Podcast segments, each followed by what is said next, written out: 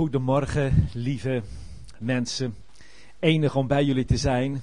De rit op zichzelf is al leuk op zo'n zondagmorgen. Als de zon zo schijnt en overal de bomen in bloei staan. Dat is prachtig. Dus ik geniet met jullie mee. En uh, oké, we gaan eens zien wat de Heer allemaal voor ons heeft. Ik maak u nog een keer attent op het prachtige boek wat ik geschreven heb. Ik mag langzamerhand wel zeggen prachtige boek, want iedereen zegt het. En ik heb er 1400 van verkocht. En um, de opbrengst daarvan gaat helemaal naar allerlei projecten in Suriname. Het is het boek wat ik geschreven heb over het leven van mijn vrouw, die uh, opgroeide in een NSB-gezin. Als kind uh, te werk gesteld werd in Polen. Uiteindelijk in Tsjechië terecht kwam, vandaar voor de Russen moest vluchten. In een klooster belandde. En toen is ze toch nog met mij getrouwd. Nou, oké, als dat geen boek is vol met explosieve dingen, dan, uh, dan weet ik het niet. Ik heb er een doos van bij me. En u hebt natuurlijk geen geld bij u, maar u kunt gewoon een machtiging invullen. En dan kunt u het uh, meenemen. En ik wil er ook nog wat voor u inschrijven. Dus dan uh, komt het helemaal goed. Ja, lieve mensen. Op reis gaan, op reis. Op reis veranderen. Ik wil het vooral met u hebben over het veranderen door de reis. Maar um, God heeft wat met, met reizen. Soms denk je wel eens, het lijkt wel eens een evangelische reisvereniging. Want uh, de Heer stuurt Nederlanders uh, naar Afrika. En vervolgens stuurt hij Afrikaanse mensen naar Nederland. En hij stuurt weer Nederlanders naar Japan. En dan weer Koreanen naar ons toe. En dan denk je, kan dat niet allemaal wat simpeler? Laten die Nederlanders nou gewoon in Nederland blijven. En die Afrikanen in Afrika. Dat is allemaal veel goedkoper. Maar dat heeft te maken met het, met het spel van God. Het spel met mensen. Nou, mijn leven uh, gaat ook zo. Uh, goed, jullie uh, weten iets van mijn geschiedenis. En ehm, toen mijn vrouw overleden was, toen heb ik ehm, echt tegen de Heer gezegd: Ja, wat moet ik nou met mijn leven? Wat moet ik nou met mijn leven? Waar gaat het heen? Kan ik nog wel verder? En eh, hoe zal mijn leven verder gaan? Ik heb nu niemand meer waar ik verantwoordelijkheid voor moet dragen. Ik ben wat dat betreft vrij. Ik ben weer gewoon weer twintig. En uh, u kunt me wel naar binnen Mongolië sturen om maar een buitenplaats te noemen. En uh, nou goed, een jaar geleden, dik jaar geleden, was ik op een, een samenkomst bij Jan Zijlstra. En daar kwam een wildvreemde man naar me toe. En die zei tegen mij, de heer zegt, u gaat naar Suriname. Ik denk, wat moet ik daar doen? Ik ken daar niemand, ik heb daar niemand. Ik bedoel, ik heb daar geen enkele verbinding mee dat ik daarheen zou willen gaan of zou moeten, moeten gaan. Trekt me ook niet speciaal aan. Uh, er zijn mensen die zeggen, oh mag ik met je mee? Nou, als u mee bent geweest hoeft u gelijk niet meer. Want uh, het is een land bloedheet, altijd regen en altijd muggen. Dus het is ook niet echt specifiek mijn vakantieland. Maar als de Heer je stuurt, ach, dan loopt het weer anders. Maar goed, ik kreeg dus zo'n profetisch woord. En dan denk je, wat moet je daarmee? En uh, ja, nou dat bewaar je in je hart, zo, zoiets. Een maand later kwam er iemand naar me toe met een envelop met geld. En um, duizend euro. En ik had op dat moment geen gebrek.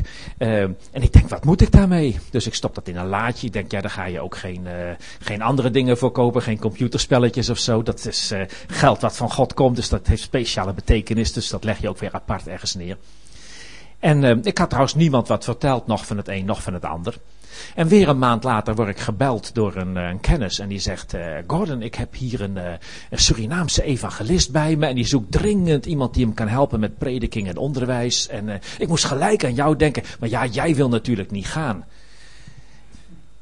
En toen dacht ik: Ja, dat kun je natuurlijk niet overeind houden als je er een profetisch woord over gehad hebt en het geld ligt er al. En nou komt het concrete verzoek. Nou, op zijn minst kun je die man even ontmoeten. Dus ik heb die man ontmoet. We hebben een kwartier tijd hadden we samen. Toen hebben we samen gebeden. En uh, drie weken later zat ik in Suriname. En um, om te evangeliseren onder de Indianen. Ja, je weet ook nooit waar je in je leven terechtkomt. Het wordt altijd een rare boel. Maar goed, hoe dan ook. Het muisje heeft een staartje, want ik kwam daar iemand tegen. En dat is een beetje de, de nestor van de Surinaamse evangelische beweging. En um, hij hoorde dat ik in Nederland betrokken was bij het werk van Healing Rooms. En toen kwam hij van de zomer uh, naar ons toe, naar Nederland. En hij bezocht met mij een paar healing rooms, bezocht onze eigen healing room in Zeewolde. En um, toen zei hij, dat hebben wij in Suriname nodig. En voor degenen die dat nog niet weten, er is in Friesland, uh, komt binnenkort een healing room, in Heerenveen komt er een in september. Maar het is een, eh, een soort van uh, huisartsenpraktijk, alleen zonder huisarts, maar dan met, met gebed. En je komt dus ook gewoon binnen in een wachtkamer en dan vul je een formulier in. En als je aan de beurt bent, dan wordt er door drie mensen voor je gebeden. En het principe is dat er geen leuke dingen tegen je gezegd worden, maar dat de Heer spreekt. Dat het een plek is van openbaring, waar God zegt dat precies wat jij nodig hebt. En waar mensen genezen van ziekten, genezen van psychische nood, genezen van pijn. En uh, ja, waar de woorden Gods klinken. En dat is een hele leuke. Nou ja, het woordje leuk is niet zo van toepassing, maar het is een hele leuke bediening. En uh, zeker voor de mensen die komen ja, die ervaren echt een ontmoeting met de Heer. Dus, uh, dus ik ben uh, net weer terug uit Suriname. En nu een hele maand. En daar heb ik geholpen met het opzetten van dergelijke healing rooms. En weer geëvangeliseerd onder de Indianen. En um, nou ja, ik weet niet hoe je je dat voorstelt. Maar uh, wij kwamen ergens in een dorpje. En dat was gebouwd aan een riviermonding. En dan heb je dus eb en vloed. En de huizen stonden daar op palen. En dat is wel erg handig, want als het dan vloed is, dan staat het dus onder water en dan kunnen ze het toilet doorspoelen. En, uh, en als het dan dus app is, dan staan die huizen dus in de blubber. En om er te komen moet je met een loopplank naar zo'n huis toe. Dus mijn begeleider, Soudes, die is ongeveer zo groot. Dus die liep voor me uit die loopplank op en klopte daar aan die deur en zei: Ik wil u uitnodigen voor een evangelisatiesamenkomst vanavond hier in, het, in dat dorpje.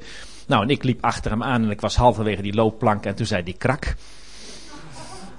En uh, ja, uh, een maand daarvoor was ik in Nederland door het ijs gezakt. En toen was ik ook al in de blubber terechtgekomen. En zo langzamerhand ga je geloven dat dat je plek is. De blubber. Maar goed, oké. Um, weet je, um, dan kun je zeggen, ja, maar ik ga niet allemaal naar Suriname. Ik ga niet allemaal naar Suriname toe. Ik ga niet allemaal de tropen in. Ik ben maar gewoon huisvrouw. Ik ben bijstandsmoeder. Ik heb niet zoveel mogelijkheden. Maar het is heel simpel. Als je jezelf ter beschikking stelt van de Heer. Als je zegt, Heer, ik ben er voor u. Leid mijn leven. U mag het ook wel een beetje in de was sturen. Nou, dat laat de Heer zich geen twee keer zeggen hoor. En dan gaat hij het in de was sturen. En dat is enig.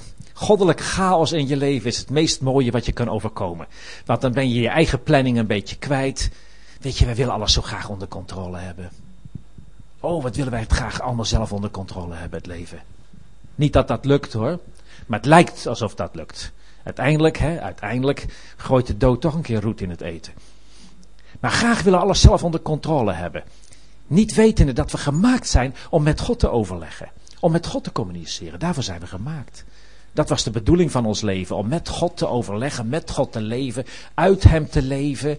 En dan een heel dynamisch, uitbundig leven met God te hebben. En de Heer Jezus zegt, ik ben gekomen opdat mijn schapen zouden hebben leven en overvloed. En ik weet niet wat u denkt bij sleur en saaiheid, maar dat is in ieder geval geen overvloed. Ik geloof niet in sleur en saaiheid. Maar als je je leven overgeeft aan Jezus en zegt, Heer, neem het maar, geef mij maar zielen, breng maar mensen op mijn weg voor wie ik iets kan betekenen, dan gaan er hele vreemde dingen gebeuren. Hele vreemde dingen. En daar wil ik u toch wat over vertellen, want weet je, voor een groot deel is het voor jullie net zo goed de realiteit. Want um, als je vraagt, Heer, geef mij mensen op mijn weg. Dat kan je gewoon in de supermarkt gebeuren. Het heeft te maken met dat je luistert naar de impulsen van de Heilige Geest in je hart. En zo probeer ik te leven, maar dat is iets wat voor ons allemaal is. Dat is niet, niet, niet speciaal voor mij, dat is voor ons allemaal. En uh, goed, ik ging dus dit jaar weer naar Suriname en uh, ik had er van tevoren gebeden. Ik denk, heer, degene die naast mij komt te zitten in het vliegtuig, die is de klos. En um, nou, dat, uh, Soms gaat dat heel goed. Het ging ook wel eens mis. Maar en dit keer ging het heel goed. Dus ik kwam. Uh, ik had de keurig netjes een plekje bij het raam. één stoel vrij. Daarnaast kwam een dame kwam daar zitten. Een uh, Surinaamse dame. Dus ik stelde mezelf netjes voor. Ik zeg: Hallo, ik ben Gordon van Velen. Zij stelde zich ook voor. En um, Surinaamse mensen zijn enige mensen. Ze zijn namelijk heel open en heel hartelijk. En ze willen snel een praatje maken. En ze zijn ook helemaal niet bang om over het evangelie te praten. Over God te praten. Daar hebben, daar hebben Nederlanders alleen een probleem mee. Weet je dat wij een van de weinige volken op deze aarde zijn die daar een probleem mee hebben? Ik bedoel, hier is dat ineens moeilijk. Hier kan dat allemaal niet. Maar in de rest van de wereld niet hoor. Dan kun je gewoon over de Heer praten. Heel gewoon, heel, heel normaal. Eh, de enige die abnormaal zijn, zijn wij. Wij geloven ook niet in geesten en zo. En omdat wij het niet geloven, denken we dat ze niet bestaan. Maar driekwart van de mensheid gelooft er wel in. En daarom bestaan ze dus wel. Goed, het gaat er niet om of mensen erin geloven, maar het gaat erom of ze er zijn natuurlijk. Maar oké, ik kreeg met die mevrouw na even een gesprek. Ze vroeg me, wat gaat u doen in Suriname? Ik denk, nou oké, dan kan ik mijn gang gaan. Ik zeg, ik ga het evangelie verkondigen. Ik ga een bureau voor pastorale counseling opzetten. En uh, ja, begon een gesprekje met haar. En toen, um, toen bleek na even dat zij wel geloofde, maar ze geloofden het ook wel. Nou, zulke mensen zijn er veel die wel geloven dat er iets is en wel geloven dat God er is, maar er eigenlijk niks mee doen. En eigenlijk voor wie het eigenlijk niet een, een impact in het leven heeft. Hun leven wordt er niet door bepaald. En um, goed, het was een gesprek waarin ik haar vertelde over de, over de liefde van God, de tederheid van God, hoe Gods hart naar ons uitgaat. En dan heb je een uur met elkaar gepraat en dan denk je, nou weet je, nou, nou moet ik gewoon even stoppen. Want anders wordt het preken en dan wordt het drammen. Hè? Nu is ze eventjes zo, uh, nou heeft ze het gehoord, nou moet ze het maar even, moet het ook even bezinken. Nou goed, dus ik was al gestopt en toen zag ze ineens bekend in het vliegtuig, dus ze ging ook een poosje weg, ergens anders zitten kwekken. En toen kwam ze weer terug. Ik denk, ja maar weet je, er moet eigenlijk iets meer gebeuren en dat kan ook. Dat kan ook. Toen dacht ik, weet je, ik geloof gewoon dat God iets voor haar heeft. Dat God gewoon een woord voor haar heeft. Dus ik zei tegen haar: Ik heb een woord van de Heer voor je. Ik had nog niks hoor, ik wist nog niks. En uh, ik denk, maar er moet gewoon iets gebeuren, er moet iets doorbreken. En uh, ze keek me met grote ogen aan. Ik zeg, mag ik je hand vasthouden? Nou, dat was goed, dus ik pakte de hand vast. En ik begon over haar te profiteren. En op het moment dat ik mijn mond open deed, ging de Heer spreken. En om een lang verhaal kort te maken, was wat de Heer tegen haar zei. Jij bent ontzettend verraden. En nu ga je terug naar je eigen land. En je gaat opnieuw verraden worden. Ik dacht, nou ja, wat betekent dat? Maar zij keek me met grote ogen aan en ze zei tegen mij: Maar dat klopt, meneer. Dat klopt. Want gisteren heeft mijn vriend het uitgemaakt, omdat bleek dat hij al een half jaar lang ook een andere vriendin had. En nu ga ik naar Suriname en ik denk, ach, ik vind daar wel een nieuwe lover. En toen zei ik tegen haar, niet doen. Je bent helemaal verkeerd bezig. Jij moet je leven aan God geven. Je moet het met God in orde maken. En dan gaat Hij voor je zorgen. Enzovoort. Zo kon ik het nog een keer gewoon heel diep, met een diepe impact haar raken. En op een goed moment merkte ik dat dat vliegtuig begon naar beneden te doen, eh, te gaan. Ik denk, nou, ik heb nog even. Ik heb nog even. Ik zeg, vind je het goed dat ik voor je bid? Wil je niet de Heer Jezus in jouw hart vragen? Nou, het was akkoord. En ik kon, uh, ik kon met haar bidden. En voor het vliegtuig de grond raakte, was zij een kind van God. En daarvoor hoef je niet in een vliegtuig te zitten. Maar ik zeg al, dat kan gewoon in de supermarkt. Dat kan overal. Het heeft, het heeft, ja, en, en, ja, er zijn een aantal mensen die protesteren daartegen. Die denken van ja, maar weet je, het heeft gewoon te maken met de wens. Het heeft te maken met de wens om God te dienen. Kwetsbaar voor Hem te willen zijn. Je leven aan Hem te geven. En te zeggen, Heer, gebruik me maar. En dan doet hij het wel. En het heeft te maken met intuïtief luisteren naar de stem van God. Ik zei al, het gaat niet altijd goed, want ik dacht op de terugweg, ik denk, nou, dat, dat gaan we herhalen. Nou, dat had je gedacht. Ik kwam naast twee welbevleesde, tussen twee welbevleesde mensen in te zitten. En ik zat de hele weg in de grote verdrukking. Dus, dus, uh, dus het gaat niet altijd goed. Maar voor ik er verder wat over vertel, ik moet gewoon iets zeggen over de, over de, de liefde van God. Uh, je komt terug uit Suriname. En um, ik kwam vrijdagmiddag terug, vrijdagavond de healing room, zaterdagmorgen paranormaalbeurs. Ja, dat doe ik ook al aan. Paranormaalbeurs. En met verschillende healing rooms samen huren we dan een stal op een paranormaalbeurs. En we hebben dan ook uh, keurig zo'n banner boven ons, healing rooms. Nou, dat klinkt ook al heel occult. Dus, uh, dus met die naam uh, kun je ook daar zo al, heb je al gelijk ingang. En um, ja, nou, we zaten een beetje verkeerd. We zaten op een balkon, er kwamen niet veel mensen langs. Maar uiteindelijk kwam er dan toch een echtpaar langs die een praatje maakte. En mijn vrouwelijke collega die, uh, die, uh, die voerde een gesprekje met die vrouw. Ik dacht, nou, dan is die man voor mij. Dus um, ik zei tegen hem, kunnen we iets voor u doen? Hebt u misschien ergens pijn? Bent u ziek? En hij zei, nou ja, ik heb wel last van mijn knie, zei ik. Zei, vind je het goed dat ik daarvoor bid? Uh, jawel, ik, zeg, ik, ik zei, ja, we bidden in de naam van Jezus. Vind je dat goed? Ja, zegt hij, wel, ik ben vroeger ook katholiek geweest, dus dat, uh, dat vind ik wel goed. Ik zeg, dus dan bid ik voor je in de naam van Jezus. Nou, was akkoord, dus ik leg mijn hand op die knie. En ik merkte zelf bij mezelf, dan kun je soms dan ineens voelen dat er iets gebeurt. Hè? Dus ik bad in de naam van Jezus voor die knie, sprak die knie aan, zei tegen die knie gezond te worden. En ik, ik vroeg hem, ik zeg, gebeurt er wat? Hij zegt, die knie wordt helemaal warm. Ik zeg, nou, dan gaan we nog even door. Dus uh, ik heb nog even zo verder tegen die knie gesproken en gezegd dat hij gezond moest worden, dat die pijnen moesten weggaan. En toen zei ik van, nou, nou kijk nou maar eens, hoe is het nou met die knie? En ik zeg, beweeg hem. Dus hij uh, begon daar uh, te, te stappen en te doen. Hij zegt, de pijn is helemaal weg. Hij zegt, ik ben er vier keer aan geopereerd en ik heb altijd pijn. En die pijn is helemaal weg. Zegt, die pijn is helemaal weg. Ik denk, nou oké, dan doen we maar een, uh, een, zetten we maar een tandje bij. Ik zeg, um, um, mag ik misschien ook zo voor jou bidden? Ja, zegt hij, dat is wel goed. Ik zeg, dan bid ik in de naam van Jezus. Is dat akkoord? Ja, ja, ja, dat is wel goed. Dus uh, ik denk, nou heer, nou moet u, u moet het maar doen. U hebt het al gedaan, maar u moet nog maar meer doen. En dan laat je in het gebed gewoon leiden door de Heilige Geest. Hè? Je, hebt, je hebt een hele hoop manieren om te bidden. Je kunt gewoon uh, uh, aardig voor iemand zijn. Dat kan, daar is niks mis mee. Oh heer, zegen tante Toos, ze bakt zulke lekkere appeltaart. Ik weet niet, ik weet niet in wiens belang dat gebed nu is, maar goed. Uh, Tante Toos vindt het leuk en misschien krijg jij dan weer appeltaart. Maar hoe dan ook, zo kun je voor mensen bidden.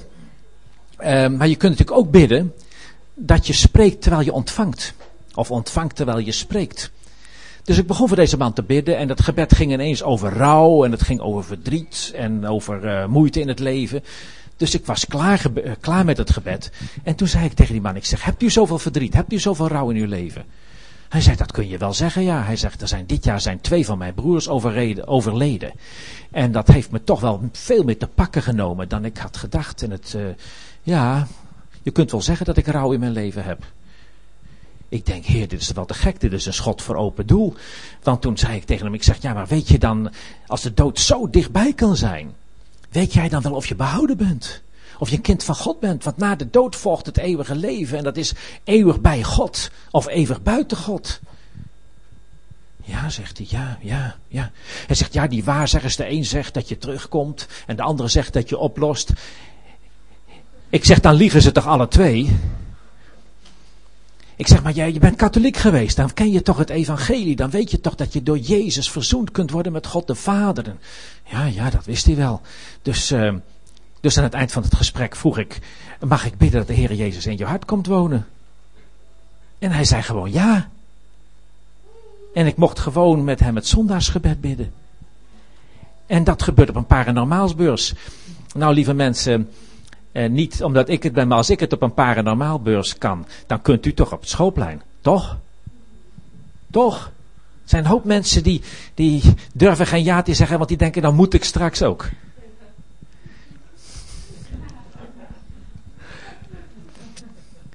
Weet je, laat ik er wat over zeggen. Wanneer je de liefde van God ontdekt, dan wil je.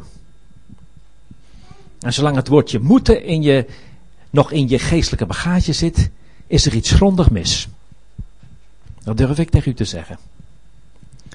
Als je zegt, moet, moet, weet je, er zijn een hele hoop dingen van, moet ik een tiende geven? Als u die vraag stelt, is het grondig mis met u.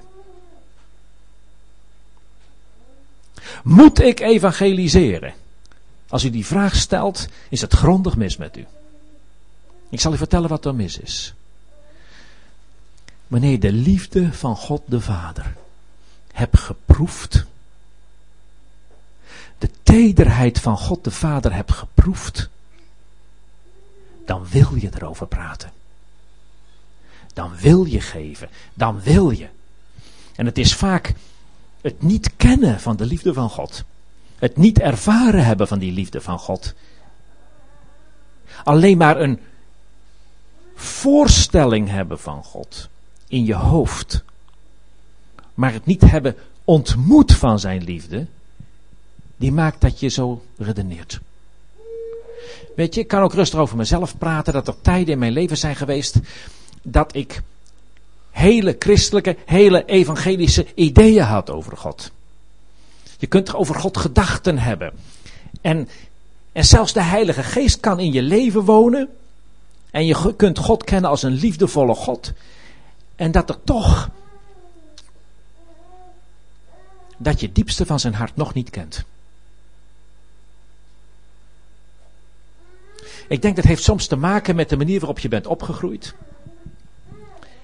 Ik groeide op met een vader die altijd zei wat er niet goed was. En nooit zei als het wel goed was. En het rare is dat je dan bij jouw beeld van God ook altijd het idee heeft, hebt, intuïtief, dat God iets op ons aan te merken heeft.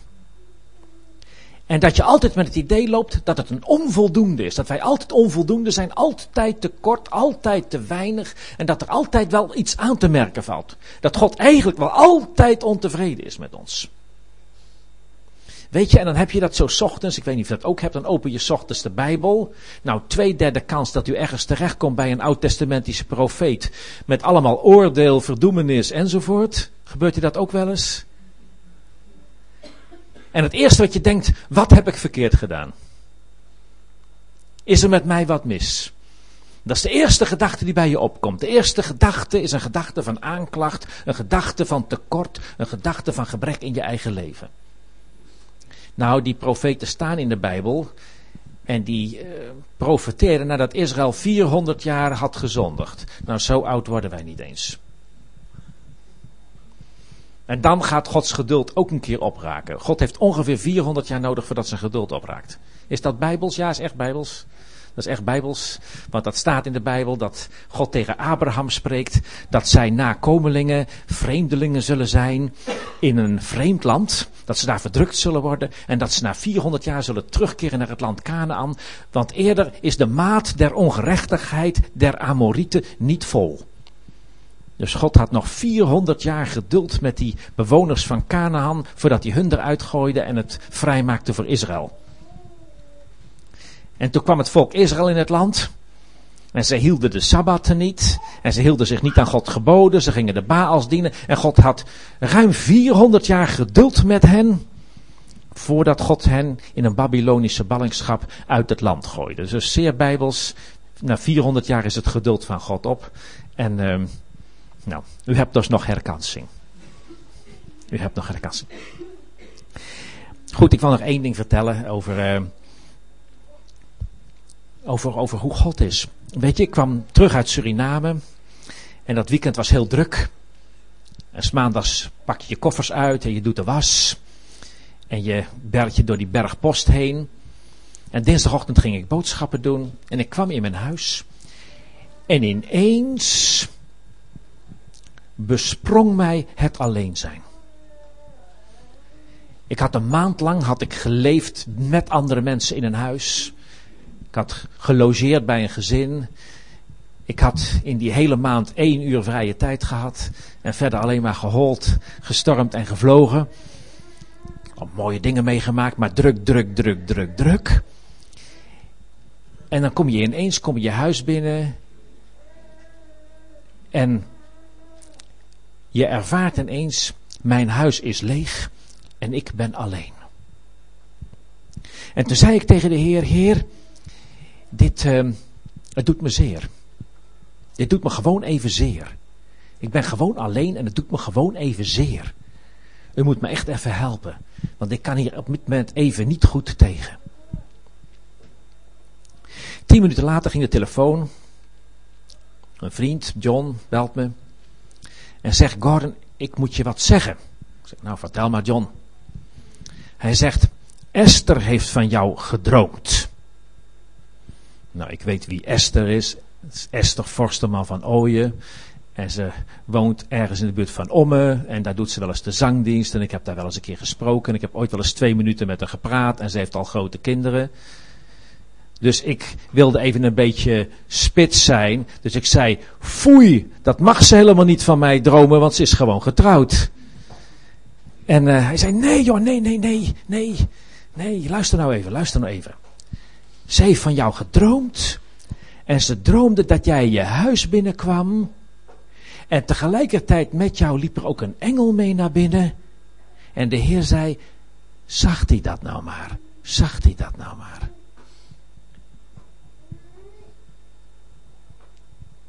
En dan denk ik, Heer, u wist dat ik mezelf op een goed moment zou tegenkomen. U wist dat de eenzaamheid mij op een goed moment zou pakken. En u had al van tevoren iemand anders openbaring daarover gegeven en een troostend woord. En het lag al klaar. En op het moment dat ik tot u riep, Heer, ik kan er niet tegen, zet u de wereld in beweging, word ik gebeld, wordt die droom mij meegedeeld en troost hij mij. En die Jezus, lieve mensen, daar ben ik totaal verliefd op. Totaal. Zonder hem wil ik niet, zonder hem kan ik niet. En met hem houdt het woordje moeten helemaal op.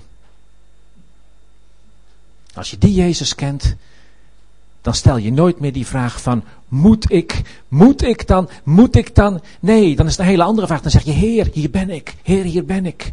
Spreek maar. Ik wil. Ik wil. Spreek maar.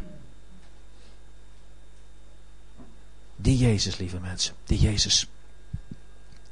Nou, voordat ik jullie ga vermoeien met nog meer verhalen over Suriname, oh, ze zijn allemaal leuk, maar dan komen we helemaal niet meer aan jullie reis toe.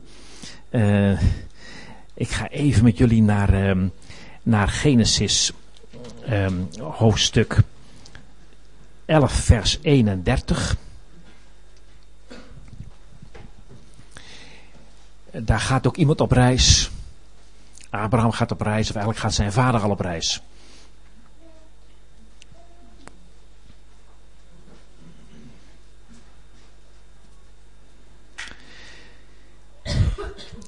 Genesis 11, vers 31. Terach verliet Ur, de stad van de Galdeeën, en nam zijn zoon Abraham met zich mee, evenals zijn kleinzoon Lot, de zoon van Haran, en zijn schoondochter Sarai, Adam, Abrahams vrouw. En samen gingen ze op weg naar Canaan. Maar toen ze in Haran waren aangekomen, bleven ze daar wonen. En Terach leefde 205 jaar en hij stierf te Haran. hey, misschien had u dat nog nooit gehoord, dit stukje. Had u misschien nog nooit zo bewust gelezen. Maar um,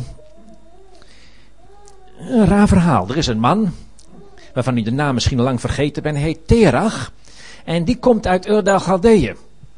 Hij is de vader van Abraham. En hij vertrekt uit Ur Galdeeën om te gaan naar het land Canaan. Waarom zou deze man nou in hemelsnaam willen reizen naar het land Canaan als je woont in Ur der Galdeeën? Iemand die daar een idee over heeft?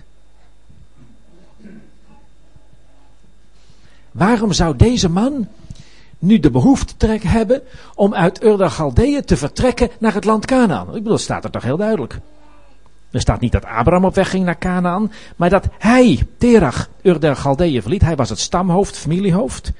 Hij neemt Abraham, staat er niet Abraham nam hem. Nee, hij neemt Abraham om te gaan naar het land Canaan. Waarom zou hij dat doen? Waarom zou deze man dat doen? God had hem natuurlijk geroepen. Want anders ben je knettergek. Je gaat het niet weg uit Ur de Galdeeën en halve wereldreis maken met al je schapen en geiten naar het land Canaan. Zomaar.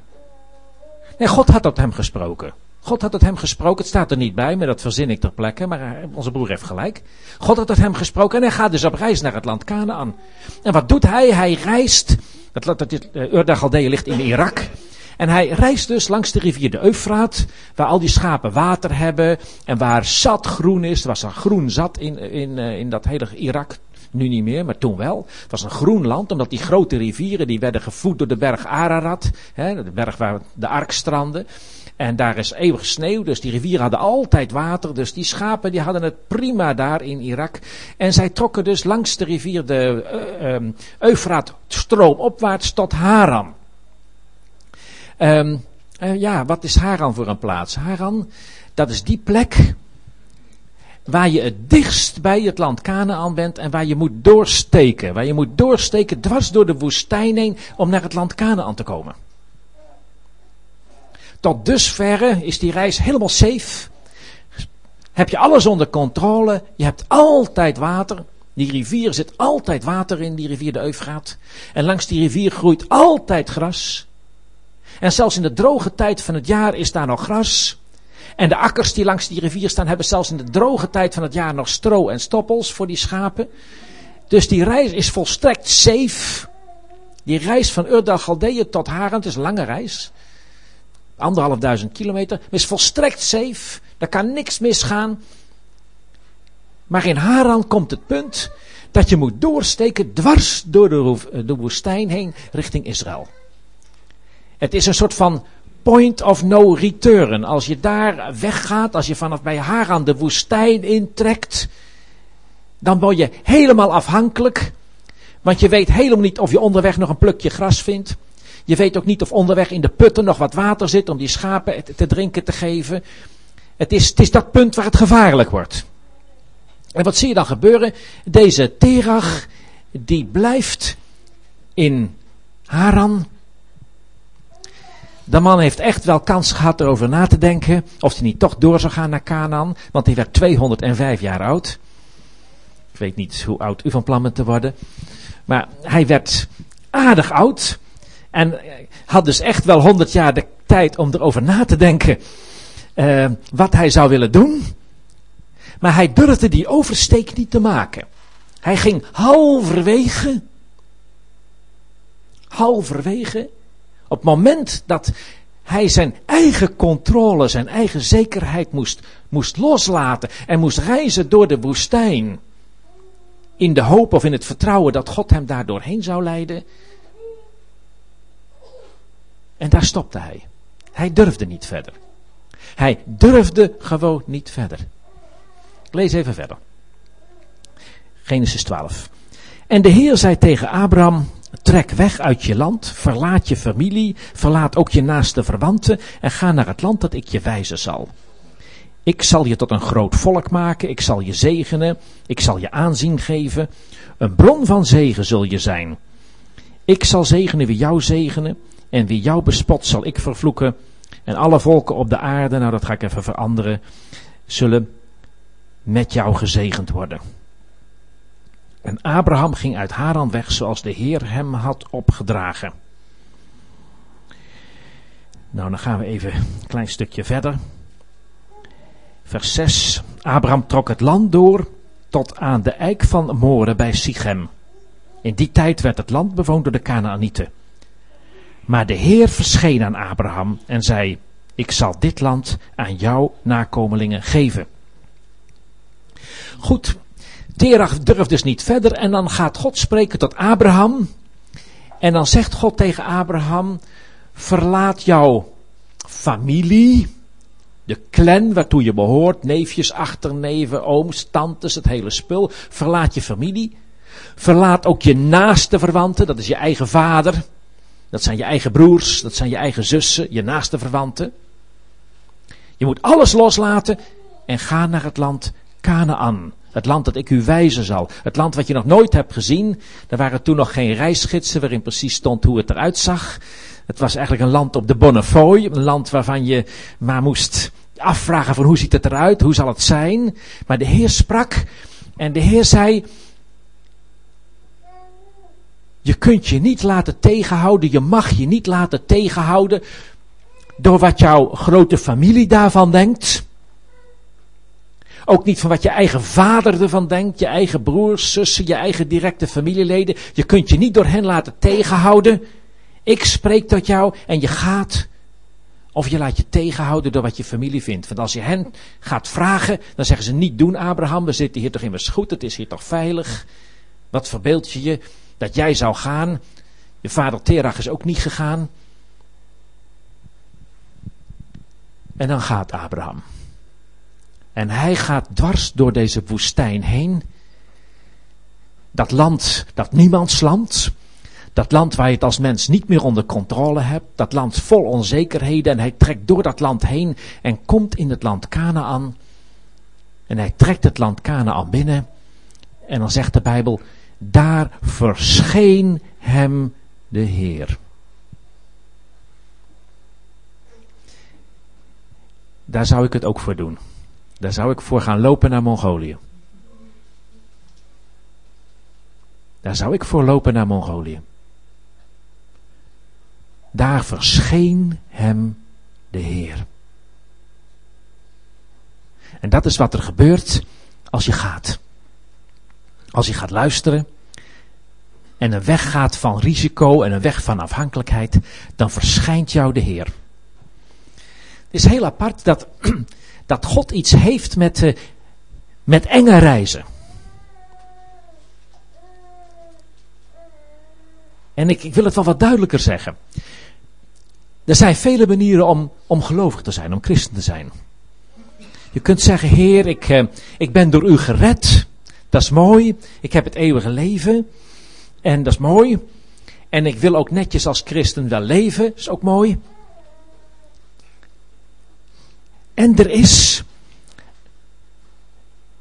het reageren op de roepstem van God en met Hem op weg gaan.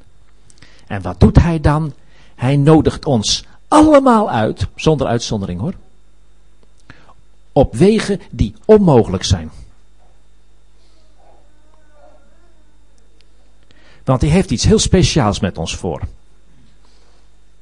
Hij heeft met ons voor een avontuur. Hij heeft met ons voor een ontdekkingsreis. En wat moeten wij ontdekken? Hem. Wij moeten Hem ontdekken. Wij moeten Hem vinden. Abraham deed zijn reis door niemands land en toen verscheen hem de Heer. Jezus had uh, twaalf discipelen, twaalf apostelen. En zij volgden hem. En ik stel me zo voor dat die, uh, dat die discipelen, toen ze Jezus gingen volgen, toen gingen ze allemaal eerst even naar huis, pakten daar een flinke rugzak, pakten ze in met schoon ondergoed, reserves, schoenen, regenkleding, uh, portemonnee goed gevuld, uh, nou ja, weet ik veel, veldfles enzovoort, alles wat je zo nodig hebt op mijn reis. En zo trokken ze met Jezus van dorp tot dorp. En nou ja, Judas had de kas, weet je wel. En ehm, daar staat dus ook niet altijd zoveel in, maar goed, er zat toch ook af en toe wel wat in. En dan waren er nog al deze vrouwen, rijke vrouwen, die uh, deze hele expeditie financierden. Dus die discipelen met Jezus, die, uh, die reisden rond van stad tot stad enzovoort.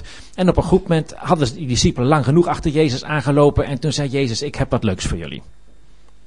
Jullie gaan het nu zelf doen. Ik ga jullie zelf uitsturen, twee aan twee. Nou, dat is goed. Dat is goed, vonden die discipelen vonden dat best. De Heer zegt, ik ga jullie kracht geven en ik ga jullie twee en twee uitzenden.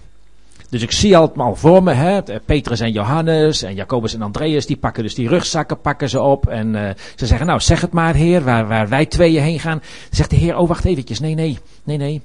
Ik moet het er even duidelijker maken. De rugzakken blijven hier. De rugzakken blijven hier. Oh, maar uh, ik moet toch wel reserveondergoed meenemen. En moet hij die sandalen zien, die zijn helemaal aan het eind. Ik bedoel, die reservesandalen moet ik toch wel meenemen. En uh, ja, ik moet er ook wel een kwartje meenemen voor het openbaar toilet. En uh, nou ja, lunchpakket voor vandaag moet ik er ook wel bij me hebben. En de zegt, nee, nee, nee, nee, nee, nee. De hele rugzak blijft hier. En, en de portemonnee ook. En het mobieltje ook. Alles blijft hier. Ja, maar heer, uh, uh, dat kan toch niet? Dat kan toch niet? Ik bedoel, ik moet toch vanavond ergens slapen. Ik moet toch mijn slaapzak bij me hebben en mijn tentje. Nee, zegt de Heer, ook die blijft hier. Je gaat gewoon naar een stad toe. En het huis waar je gewoon het eerste toevallig maar bij komt, dat zegen je. En dan ga je binnen en dan ga je het evangelie verkondigen en je gaat de zieken genezen. En de Heer zegt, oh ik ga het nog even moeilijker maken. Je mag dan ook niet als je in een plaats, in een huis bent, denkt van, weet je wat, ik ga naar een ander huis, want daar hebben ze waarschijnlijk betere bedden en beter eten. Mag ook niet. Er wordt helemaal niks gesjoemeld. Ik maak jullie 100% afhankelijk. Jullie krijgen niks mee. Ik geef jullie geen enkele zekerheid. En ik maak het zo moeilijk dat het eerste beste huis waar jullie gewoon binnen gaan, daar moet je blijven tot je weer weggaat.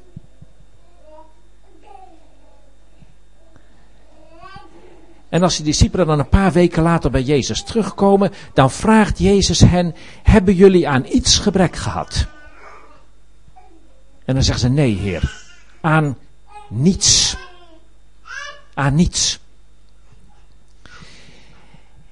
Het lijkt wel of God dat met ons allemaal wil doen. Dat Hij ons steeds brengt in situaties waarin Hij ons wil leren uit geloof te leven, uit Hem te leven, van Hem afhankelijk te worden en, en daardoor Hem zijn hart, zijn liefde en zijn voorzienigheid te kennen. Uiteindelijk gaat het om één ding, dat wij Hem zullen leren kennen. Het is doodeng. Het is doodeng. Het is doodeng. Want het is een, het is een vraag om vertrouwen. Het is heel spannend. En God deed dat ook met het volk Israël toen ze uit Egypte kwamen. De Heer had natuurlijk kunnen zeggen: Oké, jullie komen uit Egypte, we gaan linea recta naar het land Canaan. Wat doet God? Hij stuurt ze de woestijn in. Hij stuurt ze de woestijn. Hij had gewoon kunnen zeggen: Oké, rechtstreeks naar Canaan vanuit Egypte. Het is maar een paar honderd kilometer, tien dagen lopen, je bent er klaar. Nee, doet de Heer niet. Eerste plaats brengt de Heer ze bij de Rode Zee. Daar lopen ze vast, kunnen ze ineens niet verder. Ik bedoel, de Heer had er ook omheen kunnen laten lopen. Nee, hij brengt ze daar. Hij brengt ze in een onmogelijke situatie. En de Egyptenaren zitten al achter ze aan en dan leidt de Heer ze door de Rode Zee. En dan komen ze midden in die woestijn. Het onvermijdelijke moment komt dat water en brood op zijn.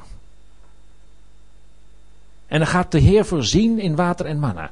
Waarom dit allemaal? Waarom dit ingewikkelde gedoe? Omdat de Heer wil dat we op onze weg Hem leren kennen. En dat kunnen we alleen maar leren als we op bepaalde aspecten van ons leven afhankelijk worden. U en ik, wij bidden allemaal misschien af en toe het Onze Vader en dan bidden we, Heer, geef ons heden ons dagelijks brood. En vervolgens gaan we naar de Lidl en we kopen het. Dat gebed is volstrekt zinloos.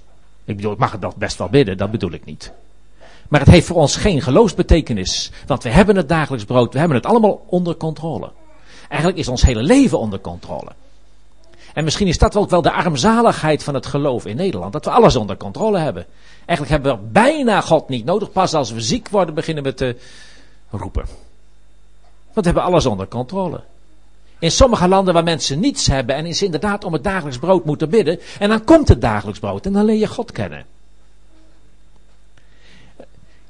Ons hele leven behoort één avontuur te zijn met God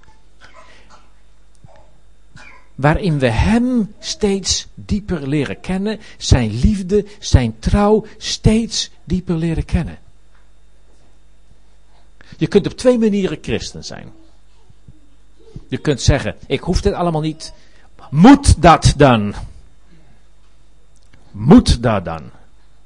Dat zijn de mensen die vragen, moet dat dan? Moet ik dan mijn geld weggeven? Ach, ik denk even, ik denk even aan die rijke jongeling. Nou, we dat toch bij dat geld zijn. Even aan die rijke jongeling. Die rijke jongelingen kent allemaal het verhaal. Die kwam bij Jezus. Hij zegt, wat moet ik doen om het eeuwige leven te beërven? En de Heer zegt, doe de geboden. Nou, dat had hij al gedaan. En dan zegt de Heer, één ding ontbreekt u. Verkoop alles wat je hebt, geef het aan de armen. Je zult een schat in de hemel hebben en volg mij. Er staat ook bij dat de Heer deze jongen lief kreeg.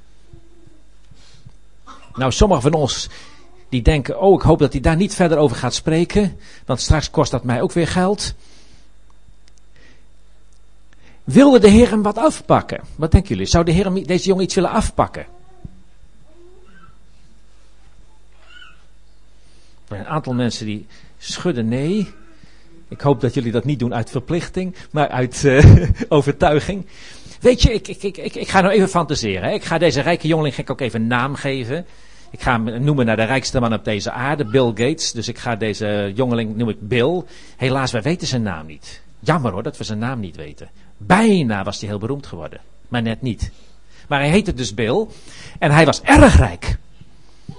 En de Heer Jezus wist dat een van zijn twaalf uh, discipelen hem zou verraden. Dus hij had een reserve nodig. Toch?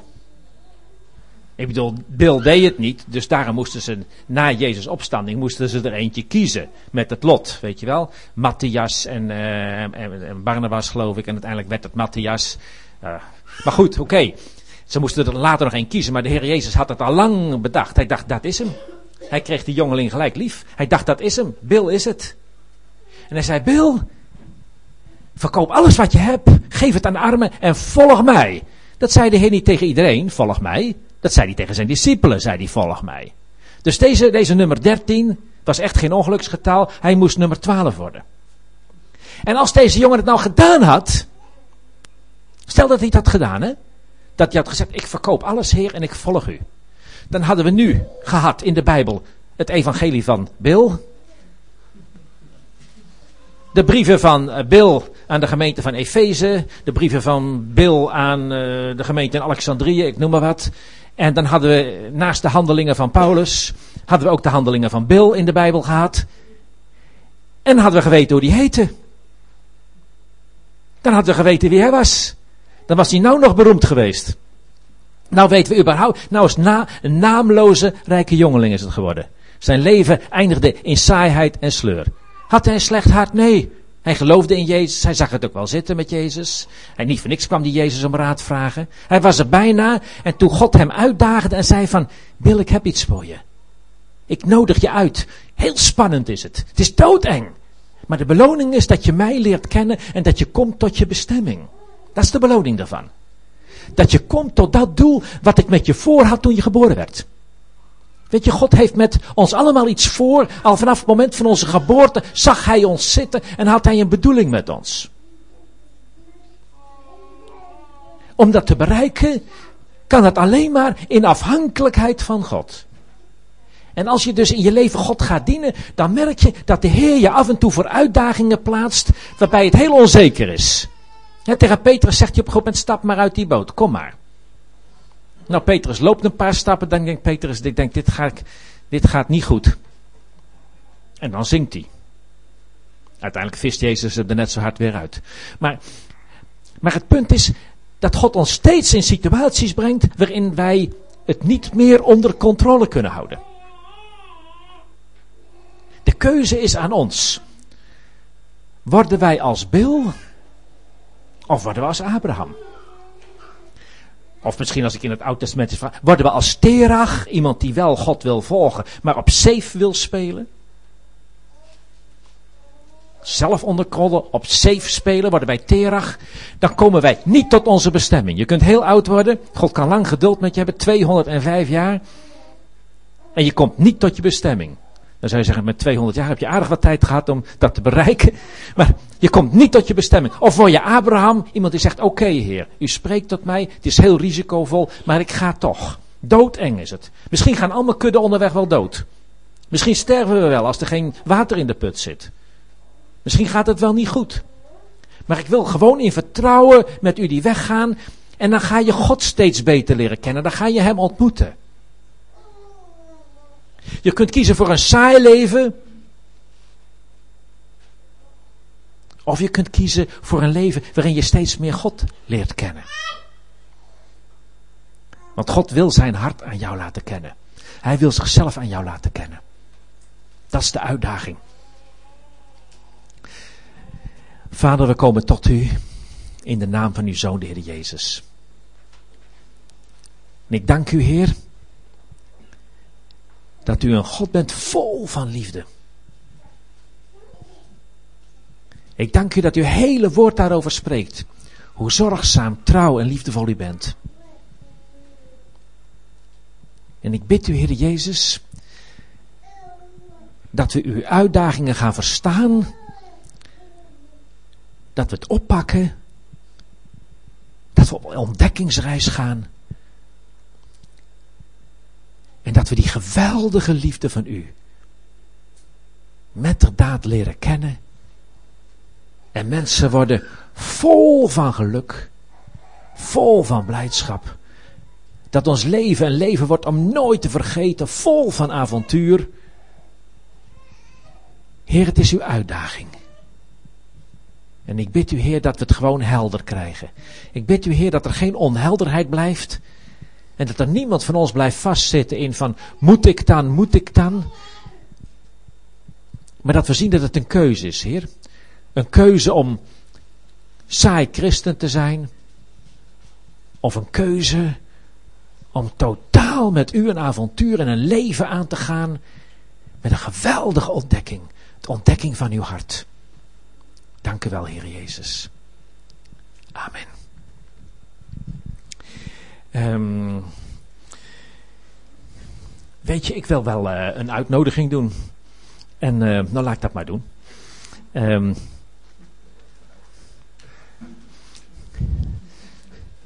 Nou, misschien zijn er wel mensen die zeggen: Ik vind het spannend. Ik wil wel graag uitgedaagd worden. En misschien zijn er mensen die zeggen: Ik vind het spannend. Ik wil liever niet uitgedaagd worden. Ik weet niet welke groep ik eigenlijk naar voren moet hebben. Maar degenen die niet uitgedaagd worden, die zullen waarschijnlijk ook liever niet komen. Maar goed, oké. Weet je, als je zegt: De Heer heeft tot mijn hart gesproken. Ik wil de uitdaging van de Heer aannemen. Ik wil een risicovol leven gaan zou ik zeggen, kom maar naar voren. Misschien kun jij iets uh, spelen zachtjes op het uh, keyboard. Ik zou zeggen, kom dan maar voren. En dan gaan we gewoon lekker voor je bidden. En je lekker zegenen. De leiding van de gemeente en ik. En dan gaan we je gewoon lekker zegenen. Dus als je zegt, ik wil de uitdaging aangaan. Ik wil risicovol leven. Ik wil spannend leven. Ik wil wel... Uh, ik ben bereid om die weg van vertrouwen en geloof te gaan. Ook al kost het me wat. Dan moet ik in eerste instantie loslaten, achterlaten. Als je dat zegt, er moet niks, maar dan mag je naar voren komen. En dan, uh, dan gaan we je lekker zegenen daarvoor. Amen.